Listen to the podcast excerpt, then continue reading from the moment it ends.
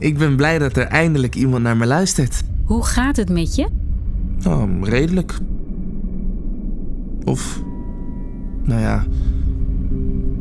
Kijk, ik ben hier al duizenden jaren. Wat trouwens best jong is voor een bodem.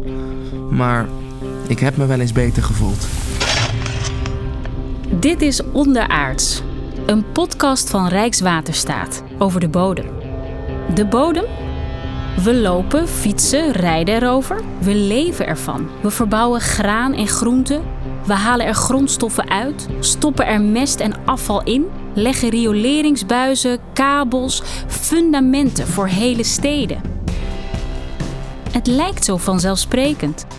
Ja, in een handje grond uh, krioelt het gewoon van het leven. Ik vind het gewoon een fantastisch diertje ook om te zien en, en hoe die zich eigenlijk in zo'n geheimzinnige wereld leeft. Je kan er de zandloper op gelijk zetten, zeker bij Nederlanders. Jullie vormen het land naar jullie eigen wensen. In een voetbalveld vind je misschien wel uh, 7 miljard beestjes. Kun je je niet voorstellen dat dat zo onder je voeten krioelt?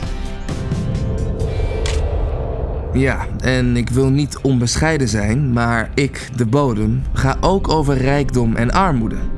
Over hoe jullie Nederlanders zijn.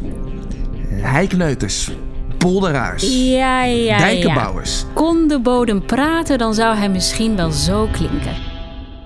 Ik ga soms zelfs over oorlog en vrede. In deze podcast krijgt hij een stem. En ik neem je mee op reis door ondergronds Nederland. Ad fundum. Als je monocultuur hebt, dan is dat eigenlijk een soort uh, woestijn of asfalt.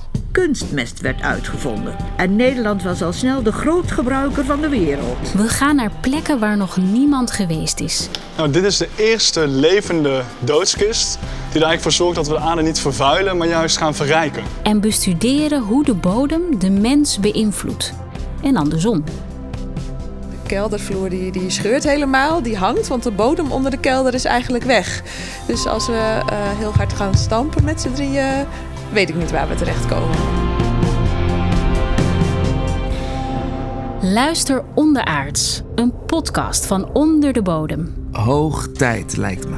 Te vinden in Spotify, Apple Podcasts en alle andere reguliere podcast-apps.